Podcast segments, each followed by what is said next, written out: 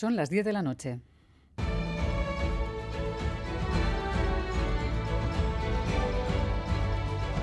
Radio Euskadi y Radio Vitoria. Servicios informativos. Repasamos los titulares de la jornada con Nicolás del Val, Gabón. Gabón Miriam, noticias de este viernes 26 de enero que comenzamos hablando de la guerra en Gaza. El Tribunal de la Haya ha pedido a Israel que tome medidas para evitar un genocidio en Gaza. El Tribunal de la ONU no pide un alto el fuego, pero sí la adopción de medidas como la entrada de ayuda humanitaria en la franja. Escuchamos a la portavoz del tribunal y al primer ministro israelí. Prevenir y castigar el incitamiento directo y público a cometer genocidio contra los miembros del grupo palestino en la franja de Gaza. El vil intento a negar a Israel el derecho fundamental a la defensa es una discriminación fragrante contra el Estado judío y fue justamente rechazado. La acusación de genocidio formulada contra los israelíes no solo es falsa, sino escandalosa y la gente decente en todas partes debería rechazarla.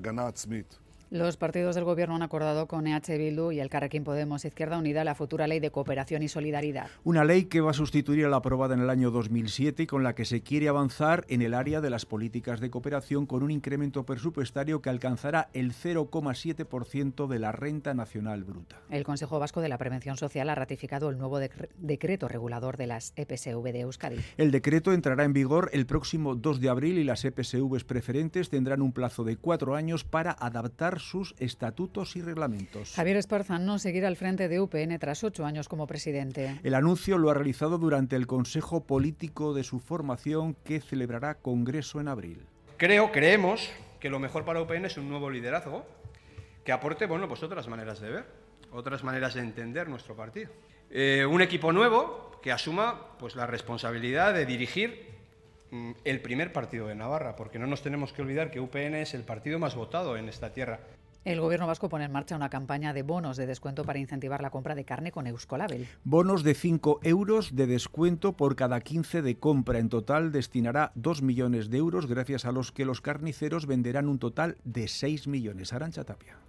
Bertakoari garrantzia emateko zuei laguntzeko bai, baino baita ere kontsumitzaile geran einean izan dezagun kontzientzia hori eta izan dezagun ahalmen hori bertan eh, ba, bueno, kontsumitzeko.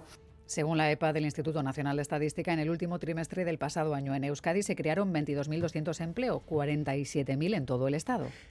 La tasa de paro se sitúa en Euskadi por debajo del 6% y medio por ciento, queríamos decir, del 6 y medio por ciento. En el conjunto de España el empleo creció con casi 800.000 ocupados, mientras que la tasa de paro pasa a situarse en el Estado por debajo del 12. Pedro Sánchez más de 780.000 empleos, 400.000 hogares más en los que todos los miembros están activos y con empleo. Y la temporalidad se sitúa en unos mínimos históricos, alcanzando el 16,5% cuando sabemos que siempre ha sido uno de los talones de Aquiles en nuestro mercado laboral. En definitiva, hoy España crece y crea más empleo de mejor calidad a pesar del difícil contexto geopolítico y los malos augurios de los profetas del apocalipsis que afortunadamente nunca aciertan.